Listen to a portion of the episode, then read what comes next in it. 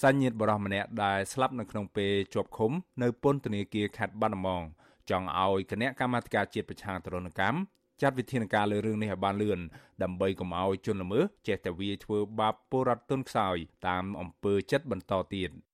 ម្ដាយជនរងគ្រោះរស់នៅសង្កាត់ប៉ោយប៉ែតក្រុងប៉ោយប៉ែតខេត្តបន្ទាយមានជ័យលោកស្រីមេតសុកសានប្រាប់អាស៊ីស្រីនៅរសៀលថ្ងៃទី11ឧសភាថាមន្ត្រីគណៈកម្មាធិការជាតិប្រឆាំងនឹងទរណកម្មនៃក្រសួងមហាផ្ទៃបានសាកសួរលោកស្រីតាមទូរស័ព្ទពាក់ព័ន្ធនឹងរឿងការស្លាប់របស់កូនលោកស្រីរួចហើយស្ត្រីវ័យ41ឆ្នាំរូបនេះបន្តថាលោកស្រីបានរៀបរាប់ប្រាប់មន្ត្រីទាំងនោះថា កូនរបស់គាត់បានស្លាប់ដោយសារការវាយធ្វើទរណកម្មនៅក្នុងពន្ធនាគារព្រោះសាកសពមានស្នាមហើមប៉ង់ត្រង់ក្បាលចេញឈាមតាមត្រចៀកនិងទុនកខុសពីប្រក្រតីប្រៀបដូចគេវាយបាក់ចង្កក្រោយពេលសាកសួរលោកស្រីចប់ហើយមន្ត្រីគណៈកម្មាធិការជាតិប្រឆាំងទរណកម្ម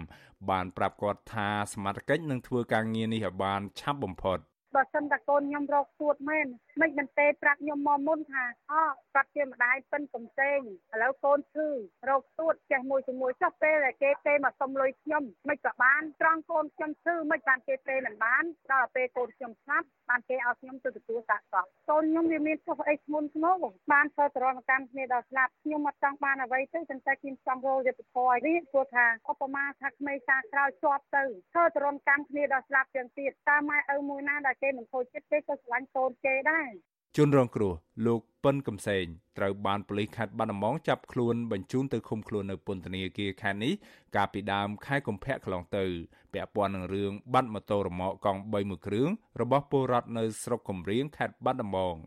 ជនរងគ្រោះបានស្លាប់ក្រោយពេលប៉ូលីសចាប់ខ្លួនដាក់ពន្ធនាគារប្រហែល3ខែតែប៉ុណ្ណោះ នៅក្នុងវីដេអូឃ្លីបដែលអាស៊ីសេរីទទួលបាន បង្ហាញថាសាកសពជនរងគ្រោះមានឈាមហូរចេញតាមត្រចៀកប្រឡាក់ពេញក្បាល និងមានស្នាមហើមប៉ោងត្រង់ក្បាលអាស៊ីសេរីមិនអាចតាក់ទងមន្ត្រីគណៈកម្មាធិការជាតិប្រឆាំងទរណកម្មលោកតបសំភីដើម្បីសូមអត្ថាធិប្បាយបន្ថែមជុំវិញបញ្ហានេះបានទេ នៅថ្ងៃទី11ឧសភាដោយទូរស័ព្ទហៅចូលច្រើនដង តែពុំមានអ្នកទទួលតាក់ទងទៅនឹងករណីស្លាប់បរិសម្នាក់នៅក្នុងពេលជាប់ឃុំនេះ អ្នកនាំពាក្យអគ្គនាយកដ្ឋានពន្ធនាគារនៃក្រសួងមហាផ្ទៃលោកនុតសាវណ្ណាមានប្រសាសន៍ថាមន្ត្រីពន្ធនាគារខេត្តបាត់ដំបងពុំបានវាយធ្វើទរណកម្មជនជាប់ឃុំដោយការចោទប្រកាន់របស់សាច់ញាតិនោះឡើយលោកបញ្ជាក់ថាការស្លាប់របស់ជនជាប់ឃុំបណ្ដាលមកពីជំងឺហាមសួតធ្ងន់ធ្ងរខ្ញុំមិនទទួលស្គាល់ថាវាជាអំពើទរណកម្មទេ គឺអានេះជាអាការៈ ដែលសបង្ហាញអំពីជំងឺសួតណាហើយបុគ្គលគាត់ហ្នឹងគាត់មានប្រវត្តិប្រើគ្រឿងញៀនអញ្ចឹងសួតគាត់ប៉ះពាល់ដោយសារការប្រើប្រាស់គ្រឿងញៀនពីមុនណាហើយខ្ញុំសួរទៅខាងជំនាញខាងគ្រឿងញៀនទៀតក៏គេបញ្យល់ដែរថាប្រហែលជាគាត់ប្រើប្រាស់អាប្រភេទគ្រឿងញៀនមួយប្រភេទទៀតនោះដែលវាជះឥទ្ធិពលដល់សុខភាពខ្លាំងនៅពេលដែលយើងផ្ដាច់វាការលើកឡើងរបស់មន្ត្រីជាន់ខ្ពស់ពន្ធនាគាររូបនេះត្រូវគ្រូពេទ្យរិះគន់ថាគ្រាន់តែជាលេសដោះសារខុសពីការពិតតែប៉ុណ្ណោះ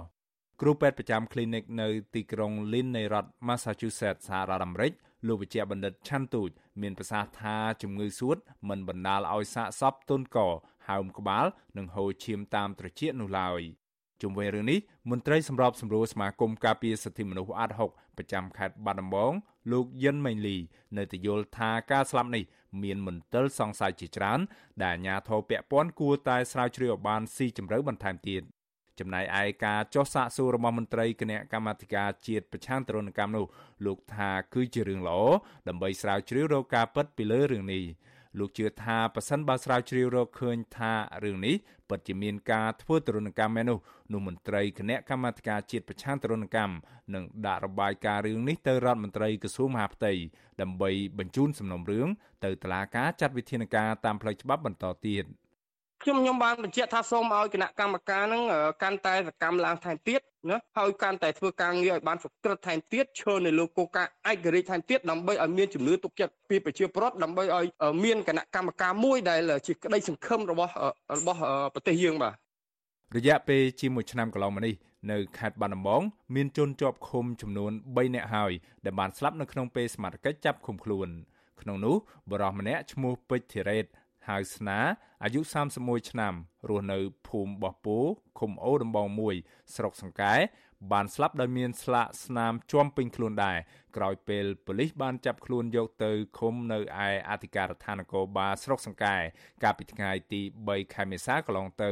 ពាក់ព័ន្ធនឹងរឿងចោទថាលោកបានឆក់ខ្សែភ្លើងបណ្ដាលឲ្យប្រពន្ធស្លាប់ ចំណែកឯម្នាក់ទៀតឈ្មោះអនតិតអាយុ38ឆ្នាំរស់នៅភូមិរំជែក4សង្កាត់រតនៈក្រុងបាត់ដំបង បានស្លាប់ដោយមានស្នាមជាំដៃជើងខ្នងនិងចង្កេះមានស្នាមជាំឆូតឆូតដូចជាត្រូវគេវាយនឹងដំបងឬខ្សែភ្លើងហើយក៏របស់ជនរងគ្រោះទុនខុសពីប្រក្រតីដូចគ្នាដែរ ការស្លាប់ទាំង3ករណីនេះត្រូវបានសាច់ញាតិចាត់ទុកថាជាការវាយធ្វើទរណកម្មនៅក្នុងពេលសមត្ថកិច្ចចាប់ឃុំខ្លួន ហើយរហូតមកទល់ពេលនេះនៅមិនទាន់មានដំណោះស្រាយនៅឡើយទេខ្ញុំបាទមេរិតអាស៊ីស្រីរាយការណ៍ពីរដ្ឋធានី Washington